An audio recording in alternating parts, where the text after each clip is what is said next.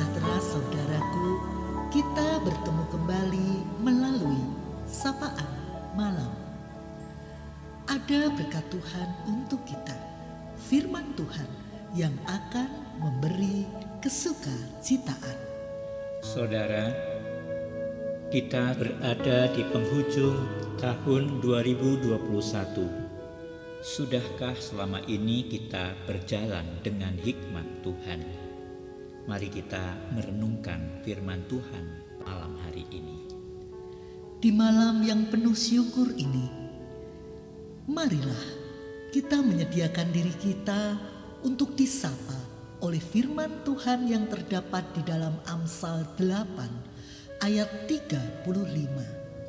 Siapa mendapatkan hikmat, mendapatkan hidup dan Tuhan berkenan pada orang tersebut. Saudara, disadari atau tidak, setiap kekecewaan, kegalauan, tidak tenang hati terjadi karena orang menolak bertumpu pada hikmat Tuhan dan sebaliknya membiarkan keinginan daging mengambil alih. Contohnya tentang kekecewaan Kekecewaan timbul karena orang lebih dikuasai keinginan diri, keinginan yang dikedepankan. Maka ketika tidak terjadi seperti yang dia harapkan, hatinya menjadi kecewa.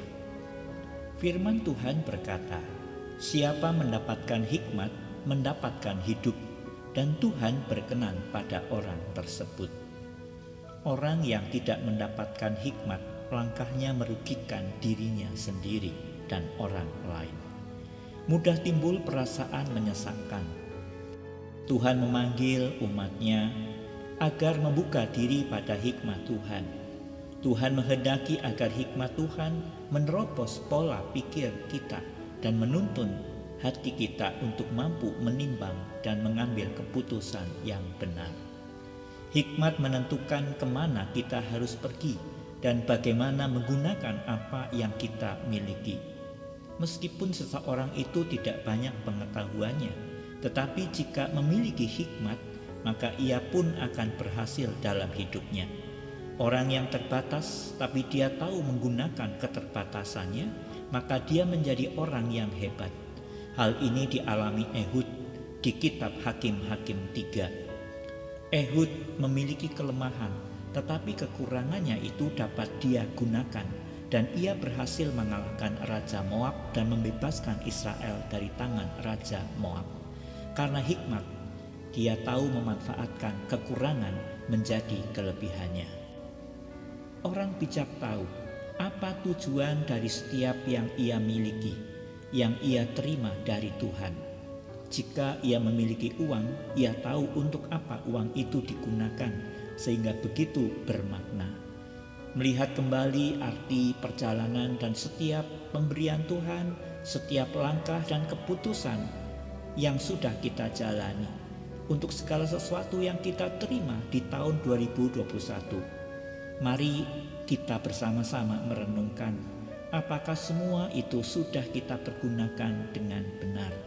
Apakah tujuan Tuhan memberi kesempatan hidup atau memberikan ini itu dan sebagainya pada kita telah kita terapkan dengan baik.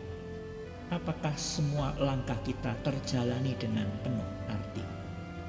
Jika banyak hal terjadi hanya karena kita ingin memuaskan diri atau supaya kemauan kita saja itu tercapai. Dengan demikian, apakah berarti kita hanya berjalan dengan pikiran kita saja dan kita tidak menggunakan hikmat Tuhan?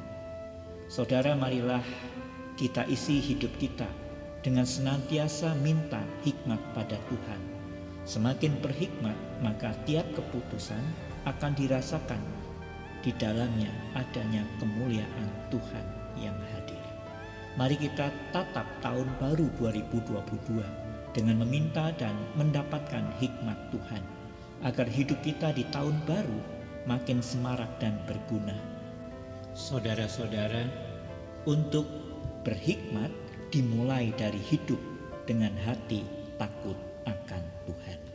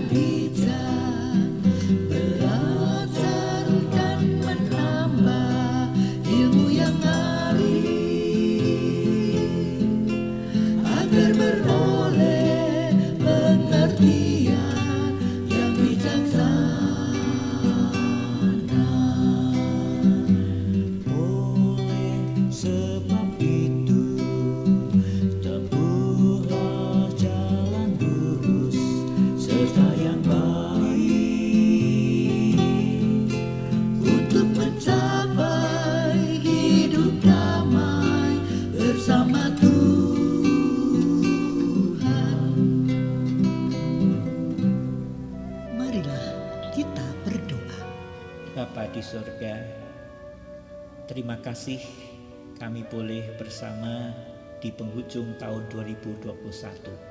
Engkau mengajar kami untuk mencari dan mendapatkan hikmat Tuhan.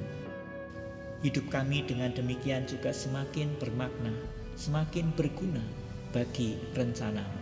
Terima kasih Tuhan, untuk itu kami berdoa agar tiap iman jemaatmu, anggota jemaatmu di mana pun berada, mereka boleh selalu berpaut kepadamu dan kami selalu dengar-dengaran dengan Tuhan. Terima kasih Tuhan dan malam ini kami berdoa bagi saudara-saudara kami dalam perjuangan hidupnya, Tuhan yang akan pimpin dan Tuhan akan mampukan setiap mereka. Berkati kami malam hari ini dalam istirahat kami. Terima kasih Bapa, dalam Kristus Yesus kami berdoa. Amin. Selamat malam saudaraku. Marilah kita mengakhiri tahun 2021 dan menatap tahun baru dengan terus memohon hikmat dari Tuhan. Selamat beristirahat. Tuhan, Tuhan Yesus memberkati.